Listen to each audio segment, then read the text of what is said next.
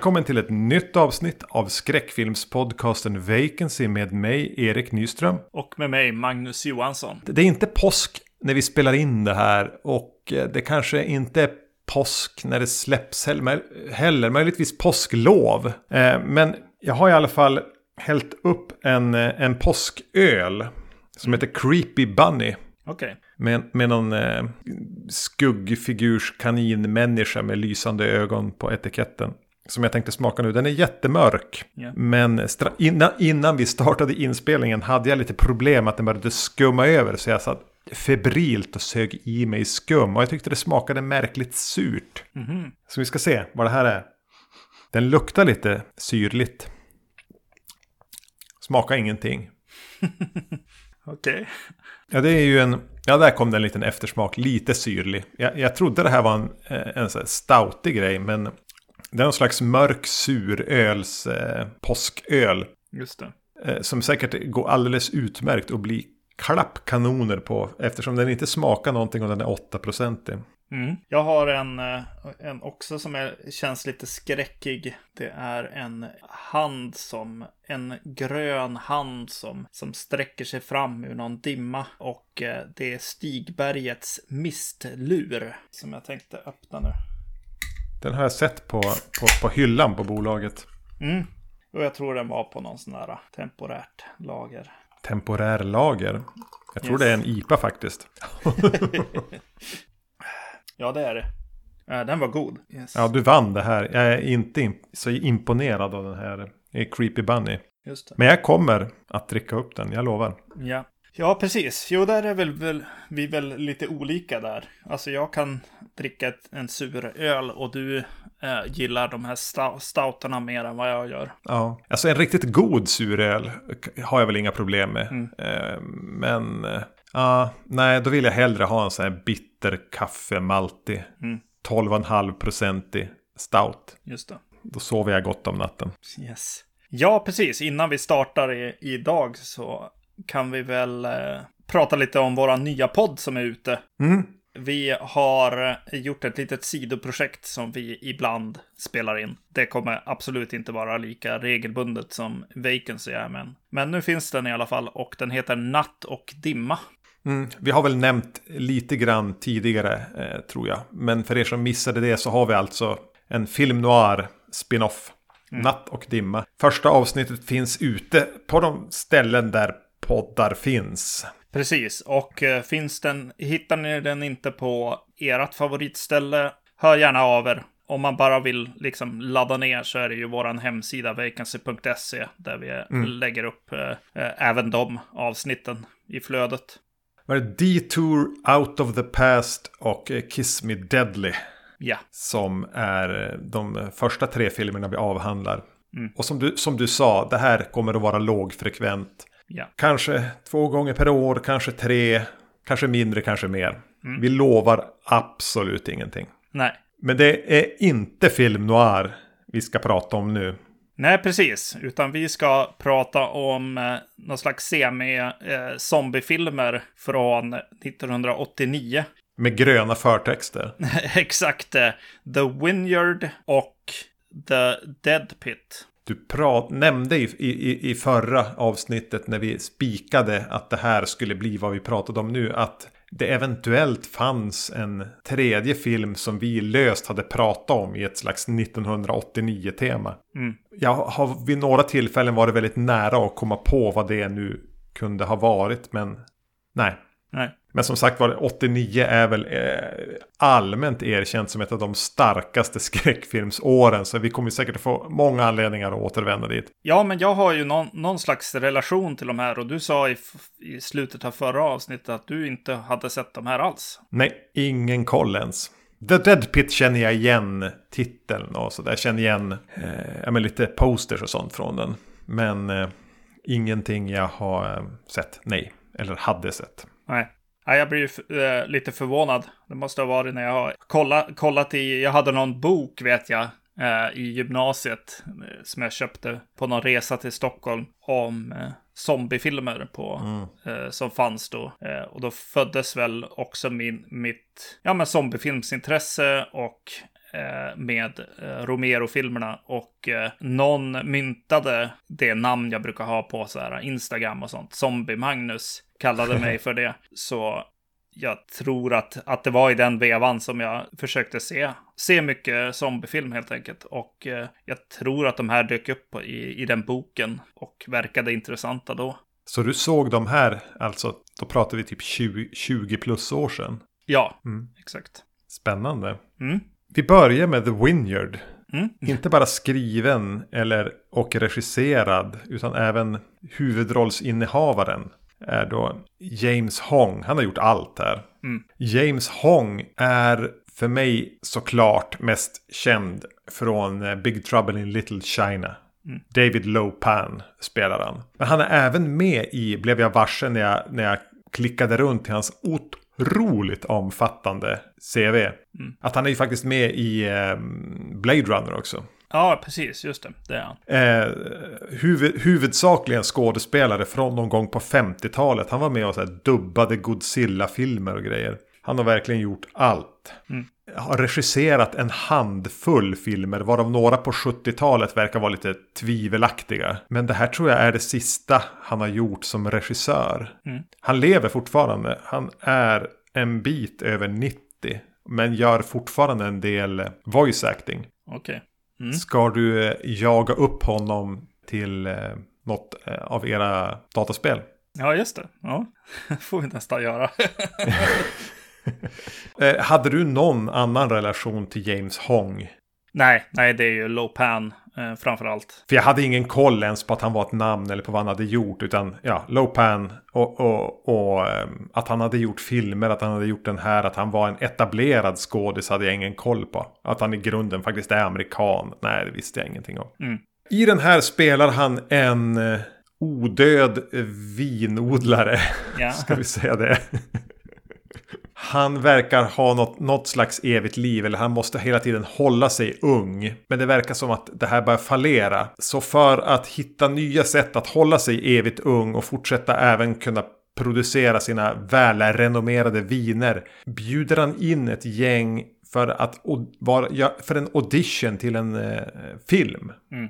Till sin ö där han har, även har sin vinodling och sitt, eh, sitt entourage av eh, en slags vaktstyrka. Mm. Men han har ju helt andra idéer än att kasta för en film. Ja. Egentligen så skulle ju det här kunna vara en prequel till David Lopan i, i Big Trouble in Little China på något vis. Ja, exakt. Jo, men han, han hoppar väl in där ganska hårt och, och eh, rid, rider på den eh, lite grann, känns det ju som. Ja. Det är ju en liknande film på det sättet att den, ja men kolla liksom på eh, kinesiska traditioner och liksom eh, myter på något sätt. Eh, väldigt filtrerat genom en, ett amerikanskt öga på något sätt. Ja. Det första som händer, alltså rent så här tonmässigt började jag fundera på, för jag minns inte riktigt eh, när jag såg den här filmen, vad det skulle handla, eh, hur den, hur den skulle hamna. Och den börjar ju med, med de här gröna förtexterna då, och ett labb eh, där, där han föryngrar sig liksom. Ja. Man får en, en viss så här vibb av Reanimator. Att det är där de vill vara på något sätt här. Ja, de var väl rätt poppis. Mm. Reanimator och Reanimator 2. Vid den här tidpunkten. Eller jag vet inte. Hade tvåan kommit? Kanske. Mm. Kanske inte. Jag har inte åren i huvudet. Men Inte jag heller. Alltså när det är, när det är manus, regi och huvudroll ja. från, från någon, eh, då, då tycker jag alltid att det är lite slis, extra sleazy och, och jobbigt när det blir så här mycket sex.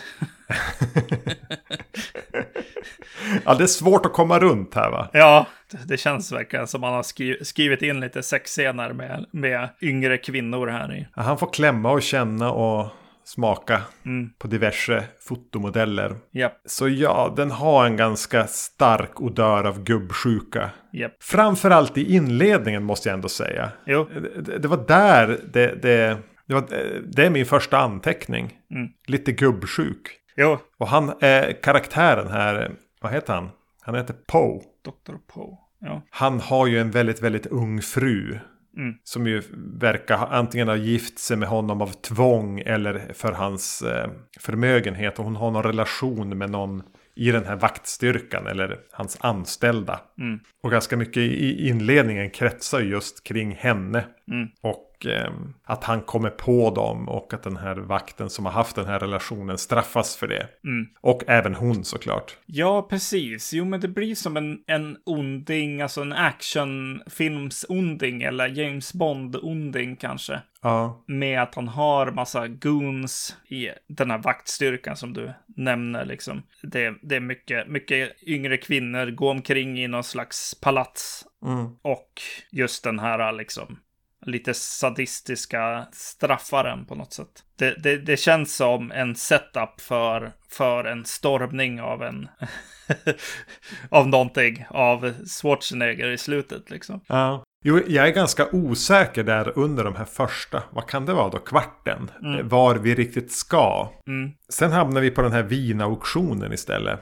Ja. Det visste inte jag fanns. Nej, just det. Nej, men det gör det ju säkert. Ja, ja. Eh, folk verkar vara beredda att betala otroligt stora pengar för, för framförallt Dr. Poes viner. Mm. Och där börjar man ju få träffa lite olika mer karaktärer som börjar prata om den här Dr. Poe och eh, det kommer in fler fotomodeller Mm. eller skådisar. Och den här audition och man bara okej, är, det, är, är det nu filmen börjar? Ja. Eh, Jag visste fortfarande här inte var, eh, var vi skulle ta vägen. Men nämnas bör att det redan i den här jag tyckte du pinpointade ganska bra. Alltså att det, det är en Bond-skurk. Eller en, inte kanske Bond utan snäppet nedanför. Mm. Eh, som presenteras. Att det kanske finns någon slags odöda i, i trädgården. Som försöker ta sig upp genom marken. Ja. Som man måste ha lite koll, som den här Poe verkar behöva ha lite koll på. Det och att hans åldrande måste, det är svårt att hålla det i schack. Det är flera, han har mycket att hålla koll på här. Ja. Det är stressigt att vara, att vara odöd vinodlare. Precis, och, och, och, man vet inte riktigt eh, vilket som leder till vad. Alltså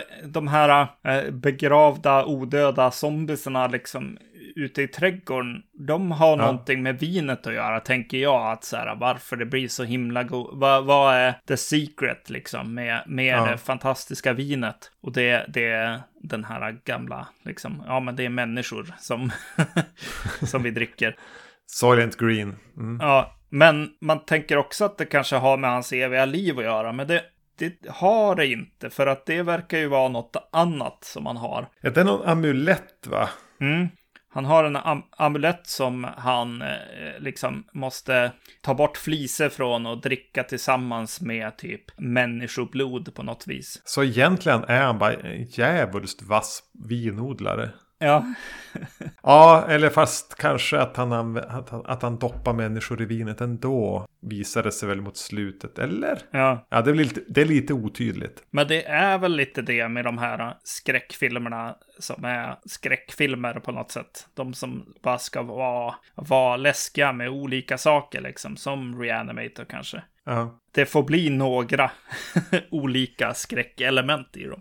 Och det kan ju, kan ju funka. I den här liksom så börjar jag tänka att, att just det här att hålla sig evigt vid evigt liv och att man behöver folks liksom blod för det eller vad det kan vara liksom. Jag börjar känna att så här, äh, är, det här bättre? Skulle det ha varit bättre som en bok? det, det kanske är det som är med, med här... Äh, Lovecraft-filmatiseringar också, som den här ju är nära på ett sätt. Eller de filmatiseringar som finns av Lovecraft från, från tiden är ju ofta ganska lika, lik det här. Ja. Mm. Och man känner att det saknas, alltså det finns skräckelement som inte funkar på film på något vis här. Men det kanske beror mer på hur man väljer att visa det kanske. Jag tror att man ska se det lite som en romp. Att det är lite skoj också. Mm, Men eh, för, för presenteras ju sen för det här gänget som kommer dit och ska vilja ha en roll i hans film.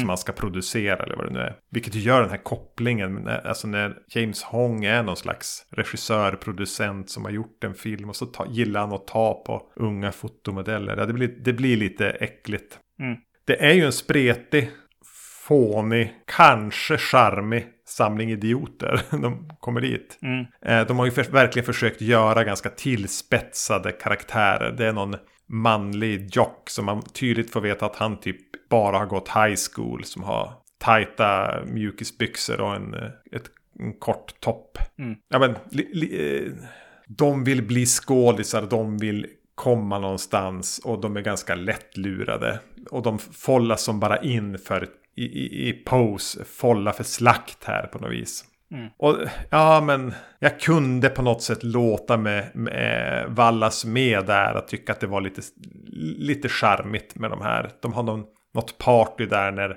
när Poe eh, tar på sig någon mask och har en mask under masken och de dansar och de far ut i vi, mm. vinodlingen. Den festen där tycker jag är ganska, ja men lite trevligt. Ja, det är nog bästa delen när man får följa med där och eh där finns det ju en karaktär som har hjälpt han, alltså en agent eller vad, vad det nu är som har, har tagit dit dem. Som också förgyller mm. scenen. Ja, det är synd att han försvinner ur handlingen så tidigt. Ja, absolut. Eh, för en karaktär som hade kunnat få försvinna ur handlingen väldigt tidigt är ju den här journalisten eller vad han är, en författare. Mm. Jeremy heter han, som också är en Hongkong-skådis. Ja. Michael Wong eller Wang eller vad han heter. Mm. Jätteirriterande. Ja. Ja, precis. Jo, han får mig att tänka på, på andra, andra från tiden också. Ja, men det kanske är han som gör lite det här lättsamma Lovecraftian-filmerna. Vad heter de? Uh, Unnameable och... Ja, Stuart Gordon Lovecraft. Ja, uh, ja, ja, jo, han är rätt jobbig sådär. Ja, fruktansvärd. Alltså, jag, han har asiatiskt påbrå, men ser även lite grann ut som Dean Kane som spelade Stålmannen i Lewis och Clark här tidigt 90-tal. Och det har väl aldrig varit någon favorit hos mig. Nej, precis. Nej, det är väl glasögonen också. Har... Ja, jo, verkligen. Men det, jag, jag blir irriterad på den karaktären och jag blir irriterad när jag förstår att han på något vis ska vara hjälten, den jag ska sympatisera med. Mm. Så då blir jag lite glad när den här kakishorts-duon som man verkligen trodde var kanonmat Mm. Eh, som springer runt ganska länge och, och slåss mot vaktstyrkor och sånt där. När de börjar förstå att saker och ting är fel. Ja. De får med hela tiden. De, de kunde jag gilla för att det var ju, de var ju verkligen bara fårskallar. Jo, jag tyckte om dem också. Uh. Det var roligare att följa idioter i den här filmen än den där pretentiösa journalisten. Mm. Jo, verkligen. Ja, men det eh, kan det också vara kanske att eh, den här krocken som de vill göra mellan liksom så här kine kinesisk mysticism och eh, amer amerikanska jocks liksom. Ja. Det, det, det är lite roligare när det är dumma amerikaner på något sätt. När han, journalisten, är med så blir det så väldigt tydligt att, eller jag får en väldigt stark känsla av att eh, de här kinesiska aspekterna är eh, rätt grunda, inte så väl, eh, väl eh, researchade, utan det är, det är så här, ja men akupunktur, det är spännande. ja. Det är, det är som att man bara har suttit eh, ett gäng amerikaner eller, eller, eller svennar eller vad som helst liksom och bara, vad, vad, är, vad är kinesiskt liksom? Det känns inte som att man hade behövt någon som James Hong här som då ändå har påbrå från, från, från eh, Kina. Ja. Att komma på akupunktur liksom. Jade-amulett. Ja, jag vet inte. det verkar enkelt, alltså lika dumt ja. egentligen som, som Big Trouble in Little China. Men eh, mm. där kanske, kanske det fanns saker som vi inte kände till. Stora, något konstigt monster och grejer liksom. Som kanske inte är researchat, men jag vet i alla fall inte om det. Det finns ju eh, film, filmer om Fu Manchu. Mm. Eh, både från 30-talet och säkert fler. Men Hammer eller om det var Hammer, men det var i alla fall Christopher Lee. Mm. Spelade den här Fu Manchu i ett par filmer på 60-talet. Ja. Som också lever i den här zonen mellan att förena öst och väst på något vis. Mm. Bara det att Christopher Lee spelar kines, det är någonting osmakligt. Ja.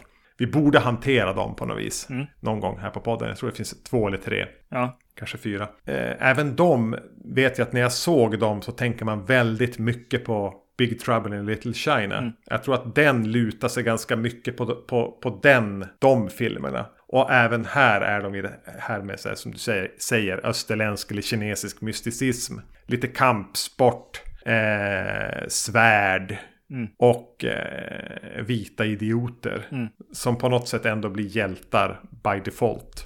Ja, Nej, men det är, det, det är nice med de där sidokaraktärerna som, som slåss mot henchmen och blir hjältar på något sätt. En, en, en fråga eh, som dyker upp är ju, alltså saker som, som faktiskt dök upp lite grann i film på 80-talet, kanske slutet av 80-talet, jag vet inte riktigt. Det är den här tredje akten med zombisar. Ja. att så här, ja men nu, nu vrider vi upp kranen, liksom låt zombisarna. Nu kommer de upp ur under jorden. Ja, exakt. Komma och skölja över filmen som en slags sista, sista berg och dalbana, liksom kulle på något sätt. Där. Kanske lite bortglömd eh, twist på slutet. Ja, ja. Gå att använda mer. Mm. Vet du, det var någonting jag tänkte på med det. Mm. För de här, det är ju ändå presenterat att de är där i vinodlingen under marken och att han på något sätt som måste dit och typ eh, använda magi eller be någon bön eller som, och ibland är han väl där och viftar med någon bössa nästan, att han måste som trycka ner dem här under jorden igen. De är som något som ska undertryckas. Mm. Finns det Förmodligen är jag, har jag läst för mycket eh, Lacan och Freud på sistone. Mm. Men finns det som en tanke med, att, med, med, med, med något undertryckt här hos den här Poe-karaktären? Att han har de här grejerna som finns i trädgården som försöker komma tillbaks för att skada honom som är som skuld. Som bara, ja just det, jag måste ner och trycka ner dem. Samtidigt som han har sin mamma inlåst på vinden. Ja. Också som ett, som, en, som ett överjag eller någonting, någon skuld där. En mamma-zombie på vinden. Mm jag tycker inte att jag är helt långsökt Nej. med att det finns någon liten lekfull eh, psykoanalytisk eh, koppling här som går att göra utan att, utan, att, utan att man ska kunna anklaga mig för att vara helt vansinnig. Ja, ja, ja. Nej, nej, nej. Nej, det är absolut. Och det tyckte jag var lite skoj. Mm. Jo, men det är väl lite, lite det som är med de här galna vetenskapsmännen som använder liksom folk på det här viset liksom och, och så att det finns en, en, ja men jag måste ju för min egna skull liksom. Och så sen kommer det och hämnas på något sätt. Mm. Det man gör. Vi har inte sagt så mycket om James Hong, eller vi har sagt jättemycket om honom. Mm. Men han är ju på något sätt navet här som allting spins runt. Ja.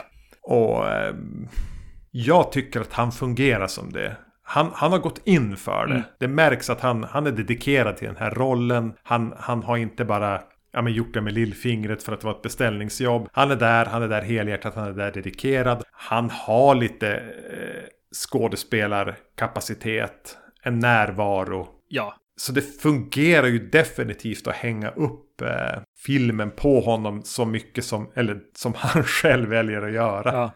Jo, men det gör det ju, precis följ Frankenstein genom filmen, ja. Absolut. Ja, men på det stora hela, ja, bitvis charmig skulle jag säga att den är. Bitvis lite jobbigt gubbsjuk, lite fånig, lite ointressant. Men definitivt tillräckligt skoj. Ja. För mig i alla fall. Ja, jo, det, eh, jo men det kanske den är. det var inte en film som jag minns mycket av. Det var en axelryckning då som försvann och, och det är det, är det nu också. Det finns bättre så här lite halvtok, tok rolig skräck på något sätt som, som den här vill vara liksom. Ja, så den är ju lite för energifattig för att vara den där rompen. Mm, ja. Det är väl mycket det att Hong är, kan ju inte regissera. Mm. Nej, så är det då. Nej, men det är väl en sån där, så här, ja men jag ska se allt. Eh, och då, då ska man ha sett den här också liksom. Ja. I mitt fall var det zombiefilmer som jag försökte beta av i en period där. Ja. Och då är det klart man, man kan ha sett den här liksom. Inte för att det är en zombiefilm liksom. Men det Nej. dyker upp. jo, nej, det är ju ingenting man ska jaga livet ur sig för att se. Men när man väl ser den så går den an. Mm. Men livet kan puttra på vidare utan The Vineyard. Ja. Men kan livet fortgå utan The Dead Pit? Det är frågan. Mm. Brett Leonard har regisserat Mm. Och ingen regissör som jag trodde mig ha koll på. Men det här är lite grann att jag orkar. Alltså, jag, jag, jag, jag orkar inte längre. Ja. Jag, jag, glömmer. Orkar inte kolla. Men, men han har ju gjort uh, The Lawnmower Man. Ja. Och Virtuosity på 90-talet. Så alltså, det här var väl någon som, som bubblade upp mot slutet av 80-talet. Han verkar ha gjort en del musikvideos också. Lite Bill Idol och Peter Gabriel och sånt. Mm. Han hade väl eh, ambitioner att bli en Sam Raimi kanske. Ja, det kan man tänka sig. Det blev inte så. Mm. Nu har vi pratat klart om Brett Leonard. så nu kan vi prata om vad The Dead Pit handlar ja. om. Eh, eh, Ja, fan vad osugen jag var på att prata om, eh, beskriva handlingen. Tänk The Ward som vi pratade om här för, för x antal avsnitt sedan. Mm. Eh, det utspelas på ett, på, ett, på ett psyke, ett dårhus, en eh, gammal inrättning. Där eh, det för 20 år sedan hade en av läkarna spårat ur i sin jakt på att hitta kopplingen mellan psykisk och fysisk ohälsa i några mystiska katakomber långt under en, en, del av sjukhuset. Mm. 20 år senare så kommer det dit en kvinna med minnesförlust. Det verkar hända märkliga saker. Ja, vad fan. Hjälp mig då, sitt inte bara och skratta åt mig. Låter det. gräva Famla runt här. i mörkret här. Ja. Det är lite även det att jag famlar efter att minnas den här filmen. Ja, precis. Nej, men precis. Det är väl någon, någon läkare där eh, som på psyksjukhuset här experimenterar på patienterna. Ja, som du sa, några år.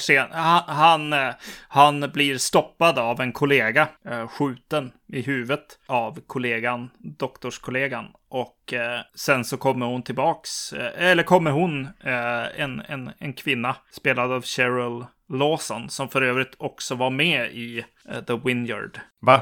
Ja. Hon spelar en av karaktärerna där. Skojar du? Nej. Så är det. Ja, bra. Bättre research av dig här. Hon har liksom någon slags minnesförlust. Eh, men hon är ju övertygad om att hon inte är galen. Hon bara minns inte. Så hon ska ju mm. inte vara där, tycker hon. Ja, sen börjar det hända saker. Hon börjar ju liksom se, se saker va? Ja, just typ det. The Ward. Nej, men... Mm. Ja, ja den, är, den är väldigt lik den mm. på vissa sätt. Ah, alltså fan vad krystad introsekvensen är här. Med den här galna kirurgen och eh, hans överläkare eller vad det är som kommer på honom. Mm. Och jag bara, off. Eh, och mycket, verkligen, jag, han, Leonard här hade gjort musikvideos. Eh, och det känns lite grann som, vad heter den? Total Eclipse of the Heart-videon. Mm. Starka strålkastare in genom fönster i någon gamma, gamla hus. Och någon som, och rökmaskin och någon som springer omkring. Fast bara visuellt trist. Det, det är verkligen en glad fotograf här. Eh, och det kanske är regissören själv på något sätt i alla fall som, som har en vision här. Och det är en väldigt visuell eh, vision som väl landar i att eh, göra den här, nu kanske jag är snäll med filmen, men göra den här serietidningen fast filmade mm. serietidningen. Alltså som, som George Romero gjorde i den här, oj, shit, jag glömmer alltid vad den heter. Creepshow. Ja, Creepshow. Eh, John Carpenter har varit där, men kanske framförallt Sam Ra Raimi också. Mm. Men ja, jag kanske tänkte en, mer på Creepshow här faktiskt, av dem. Särskilt i början, men sen blir det Sam, Sam Raimi som är hus, husguden på något sätt här. Och jag tänkte även på, på Stuart Gordon igen. Mm. Och eh, att det här är ju även någon som har bra koll på Fulcis 80-talsfilmer. Jag har varit eh, lite när det begav sig och jag såg Stuart Gordon-filmer så var jag inte så mm. imponerad. Ja, inte jag heller. Men han har kommit upp i samtal mycket i, på podden tror jag. Så jag, jag, jag är lite, lite eh, redo att eh, utvärdera om honom lite grann. Ja, vi får väl göra det då. Ja, någon gång. det är ju många, ja någon gång. Ja. det är ju många som tycker väldigt mycket om flera av hans filmer. Mm. Men vi pratade, visst var den här med Lance Henriksen eh, som någon eh, inkvisitatör? Pit, Pitland the Ja. Visst var det Stuart Gordon? Det. Mm. Mm. Han har inte gjort den här. men, men jag känner hans, eh, min bild av Stuart Gordons ande vilar över den här filmen. Ja. Och även en ytlig uppfattning om vad Fulcis filmer kunde vara. Mm. Kanske så här, senare Fulci. Efter, de, efter The Beyond. Kanske så här, Fulci från 85 och framåt. Ja, jag vet inte. Ja. Men det är någonting med den visuella looken och stilen här som gör att ingenting existerar utanför bild. Det finns ingen värld här. Nej. Det är bara det kameran visar just då som är allt som finns. Mm. Som eh, inte heller skapa någon klaustrofobisk obehaglig känsla. Tyvärr. Nej. Eh, så jag, jag är också så här vacklande i början. Med, ah, åh gud vad jobbigt det här kommer att bli. Mm. Eh, stolpigt skådespel. När, när de väljer en Dutch angle känns det bara fel. Ja, exakt. Ja. Men antingen så spottar den upp sig eller så vaggas jag in i det och vänjer mig. Så jag blir li lite mer tolerant mot filmen så småningom. Mm. Även om det finns mycket att anmärka på. ja. Får jag börja med att anmärka på, var det hon du sa var med i båda filmerna här? Hon som spelar huvudrollen här. Cheryl Lawson, ja precis. Ja, Mm. Som springer runt i något mikroskopiska trosor och en eh, jätte jättekort topp. Ja, precis. Jag, jag, jag, Hela tiden. ja, jag har inte tänkt på, på uttrycket supermodel på väldigt, väldigt länge. Men, men Nej. jag tänkte väldigt, väldigt mycket på de som kom där. Vad, vad hette hon? Som var stor där. Åh. Nej, jag, jag kommer inte ihåg vad hon hette. 80-talet eller 90-talet? Va? Va? När? Ja, det måste vara i 80-talet. Samantha Fox. Eh, nej, nej, jag kommer inte ihåg vad hon heter.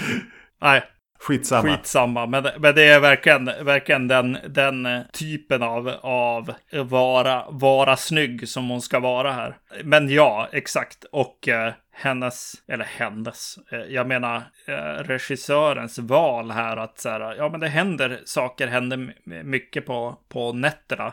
Hon eh, drömmer och går iväg från, från sitt rum i den här toppen och de här trosorna liksom. Till den grad att till slut börjar jag tänka, ja men byt byt då trosor ibland. För det är så många nätter som hon springer runt där. Väldigt lättklädd. Och intagen på liksom ett äh, sluten avdelning så har hon de där kläderna. Mm. Det, ja. Ja, alltså det är ju jätte det blir ju jättepinsamt till slut också. När hon drömmer att eh, någon slags läskig sjuksyrra eh, som dyker upp eh, bakom en dörr, vilket, vilket är en kul jump scare tycker jag. Ja, det är en rätt bra jump Ja, men sen så, så klipper de alltså till att hon, hon, huvudrollen här är fastbunden i något rum. Och den här sjuksköterskan, vad heter det, Spray, sprayar vatten på Ja, henne. just det. Hon tar vatten, högtrycksslangen och Ja. sprayar av henne Ja, kläderna. wet t-shirt competition, direkt överfall liksom. Och, Mm. eh, och vattnet är ju så, såklart så, så pass starkt att det river sönder hennes tröja. Mm. Det är jättepinsamt. Och eh, ändå så skulle jag önska då att filmen hade kunnat vara dedikerad till att vara en jävla pinsam sleazefest. Mm. Men den är ju inte det. Jag tror inte Brett Leonard som regissör var den som var mest så här inne bara, ja men och så ska vi visa den här eh, snygga modellen eh, i trosor eller topless och hon, det ska, det här är, är, är liksom saker han var tvungen att gå med på för att få göra filmen. Kanske, eller så var han en, en, en snuskfarbror, inte vet jag. Ja. Men det, det finns ingen riktig så här sleaze i sleazet. Nej, nej det är sant. För eh, lyssnarna eh, bara som skriker liksom ut vilken supermodell jag kanske syftade på. Eh, Cindy Crawford hette hon. Ja, såklart. Eh, det stod faktiskt i mina anteckningar här. det var henne jag tänkte på mycket. Mm. Men ja, nej, jag förstår vad du menar liksom. Det är inte... Ja, det är någon slags avhandling av det på något sätt. Ja, mm. Ja. Och eh, jag vet inte, det, är det bättre eller sämre? ja vem vet. Eh, Precis. Men det är någonting, det finns någonting i det här att den blir lite lös i kanterna när hon drömmer så mycket. Mm. Man blir nästan lite osäker. Eh, och, och just även det här med minnesförlusten och hur den grottar ner sig i det. Och hon har de här hypnossessionerna med doktorn och grejer. Mm. Och de här ständigt återkommande drömmarna. Eller är det hon som är ute på nätterna. Mm. Där har den någonting som inte är så tokigt. Nej. Och där, däremellan så hänger hon med en, vad jag, vad jag tänkte först var en sköterska, men sen blev jag osäker. Det kanske bara var en med, med eh, liksom patient, ja precis. Jag vet inte, är han det? Den här brittiska? Han med skägg. Ja, precis. Ja, han är ju intagen. Ja, han är det. Han, han är ju... Han har ju en, en liten monolog om det. Att han är egentligen en, en, en snäll kille. Jag trodde också att han var skötare där. För han står ju som och, och, chitchattar med någon. Ja. Som jobbar där. Men han gillar att spränga saker, förklarar ja, det. Och, men han hade en eh, advokat som var bra. Så han kunde få in han hit istället Mm. för på, eh, fäng i fängelse. Jag tycker att han är en, en bra male lead i det här. Ja. Just eftersom han är en, en engelsk karaktärsskådis med skägg utan att vara i närheten av attraktiv. Mm. Jag tror att han väckte de här Fulci-tankarna till liv lite grann också. Just det, jo men det är, äh, och det är väl filmen äh, som, som sagt, den här äh, musikvideoregissören liksom, det, det, det kanske, jag, jag kanske får känna så, liksom, att det är mycket estetik och liksom eh, hans sätt att prata på och det brittiska liksom som skär av från resten liksom, som känns ganska eh, mysigt på något sätt. Han har en liten mysig framtoning för mig. Mm. Jo, han är väl ett av de starka korten. Mm. Eh, men jag tycker också att eh, om vi ska jämföra med The Ward av någon anledning. Ja. så uppehållsrumsscenerna Mm. i den här har ju ett jävla stök och liv. Ja. I The Ward är det de här fem karaktärerna är i uppehållsrummet. De gör de här. Alla har repliker. Det är uttänkt. Det finns en tanke med alla. Här är det lite rörigare. Ja, precis. The Ward är filma manuset. Ja. Medan den här... Det är någon sk- skäggig galen farbror i morgonrock. Och det är någon som sitter och slår sig själv i mag. Alltså, det finns ett... I stöket där bland alla intagna mentalpatienter så finns det ändå som en... De har fyllt på lite grann. Jo, men det är fortfarande någon slags... Ja, ja, precis. Det är ju inte, inte Kukus näst liksom direkt. Utan, utan det är ju... De, de karaktärerna är ju någon slags... Ja, men serietidningsversionen av, av det på något sätt.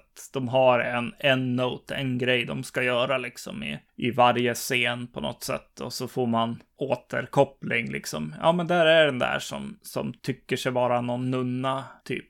Och sådär. Ja. Där är det med något tvång. Mm. Och där är... Ja. Ja, precis. Men de har i alla fall haft tillgång till ett stort övergivet, kanske nedlagt sjukhus eller vad det är. Ja. Och fått leka loss i. Mm. Det tycker jag är lite trevligt.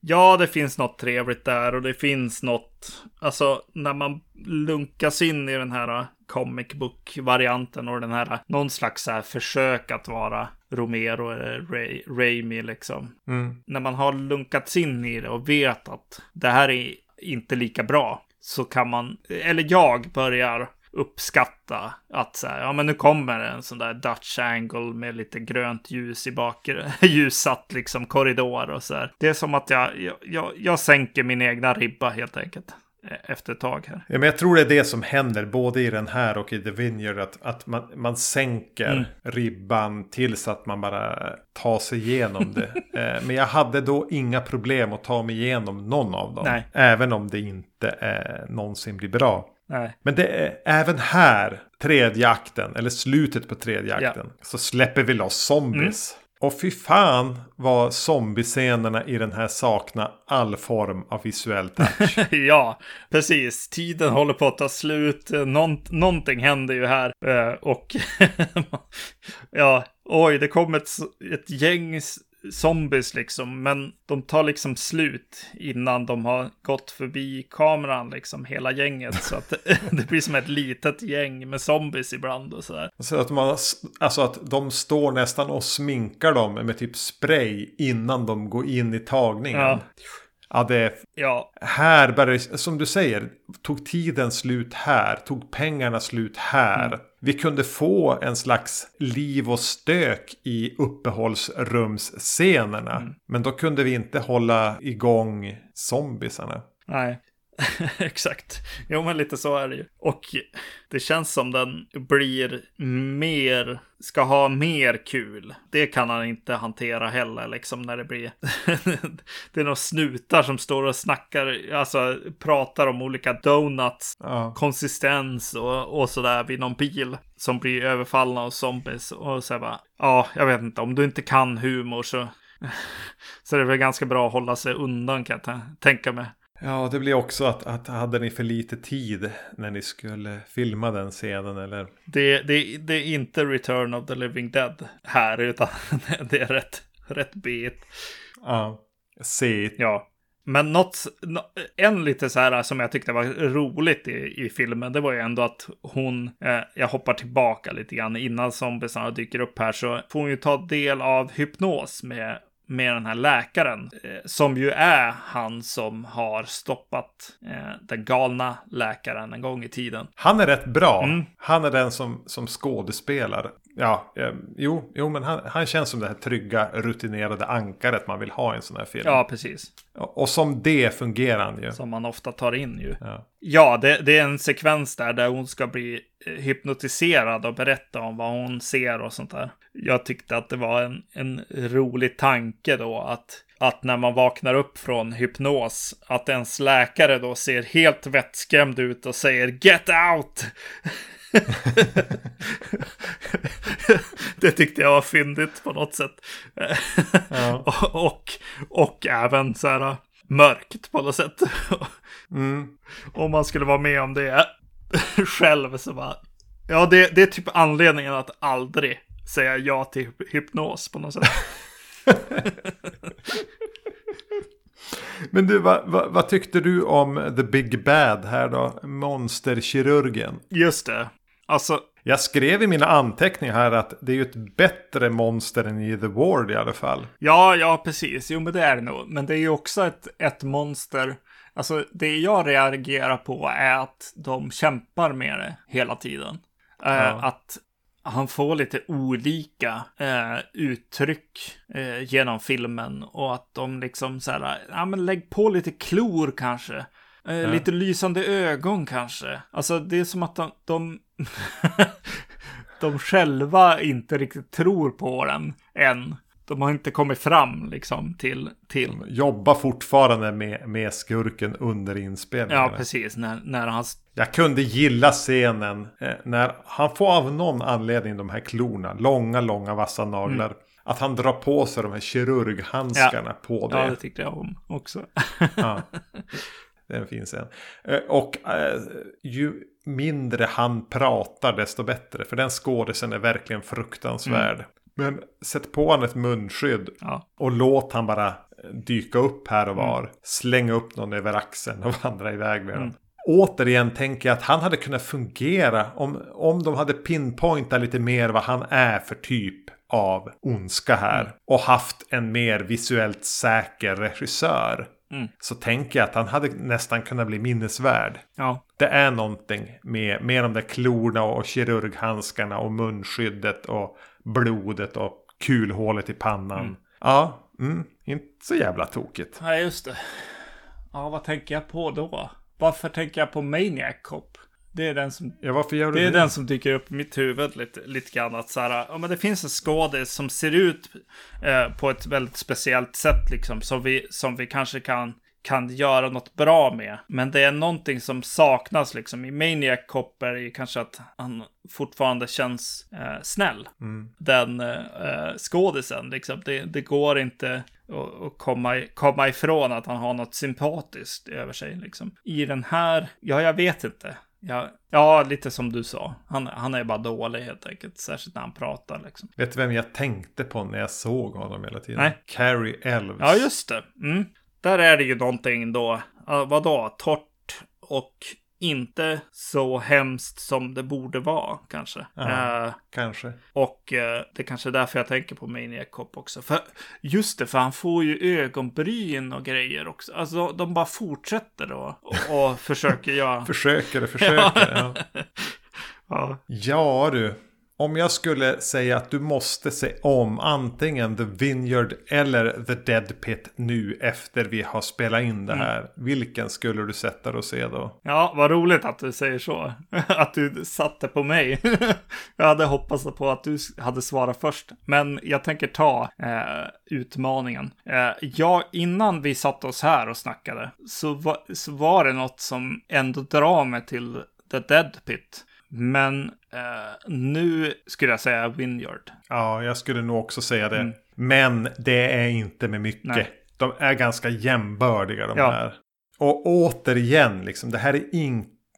The Dead Pit är inte heller en film som någon någonsin behöver se. Men hamnar ni för en, framför den så... Ja, men det, det går väl. Jo, men precis. Och de, jag vill säga så här, ja men det är en, en bra sån här gruppgrej där man kan skratta tillsammans och peka och säga vad som är lite dumt i dem. Men de kan bli lite väl tråkiga för det också. Så jag, jag är inte helt säker på att det, det skulle hålla bättre liksom. Nu, nu såg vi dem ju på egen hand, men... Ja. Mm, Jag tycker att det här är ganska typiska filmer som vi ska igenom på den här podden. Det finns, det finns eh, fler och det är vårt uppdrag att se dem och prata om dem. Mm. Jag tycker att det här är precis där vi ska vara. Det är i den här typen av filmer. yes. Och rätt vad det är hittar man ju den här filmen från 89 som har så pass många olika beståndsdelar som lyfter den till någonting som man faktiskt blir lite glad av. Mm. Ja, verkligen. Men återigen så var det här, jag hade ganska kul så här, fredag, lördag underhållning med de här två. Mm. Ja, jag tror att när, när jag rekommenderar eh, filmerna, eller rekommenderar, när jag väljer några filmer vi ska göra på podden så blir jag, blir jag extra. Jag tänker ju att oj, nu har jag gett de här till Erik att se, liksom. så att jag, jag, jag kan nog bli lite extra, liksom, eh, dömande, tror jag. Ja. För mycket konstig projektion eller empati, jag vet inte. Något av de två. Så rädd för att uppta min dyrbara tid med skit. Exakt. Yes. Men eh, jag hade ganska kul ändå. Jag ångrar inte att jag såg någon av dem. Eh, vi är klara här va? Ja, det är vi. Uh, våran våran noir-podd finns ju än en gång. Natt och dimma har vi döpt den till. Så sök efter den vart, vart ni lyssnar på podcasts. Eh, och eh, eh, vi finns ju där, där du lyssnar på podcasts också. Och om vi inte gör det, eh, hör av er. Exakt. Vi, alltså, ja, vi är ju, vi är ju lite äldre generation, jag på säga. Så vi är mycket på Facebook. eh, Så vacancy.se på är våran liksom ställe där egentligen. Ja, På Facebook och det är ju våran adress också till hemsidan. Så ja, hör av er där och kommentera gärna på, på avsnitten. precis. Nästa avsnitt blir det Universal Horror The Invisible Man filmer. Vi behöver inte gå in närmare på det tycker jag. Utan vi säger så här. Tack för att ni lyssnade på det här avsnittet. Och vi återkommer. Ja, hej då. Hej!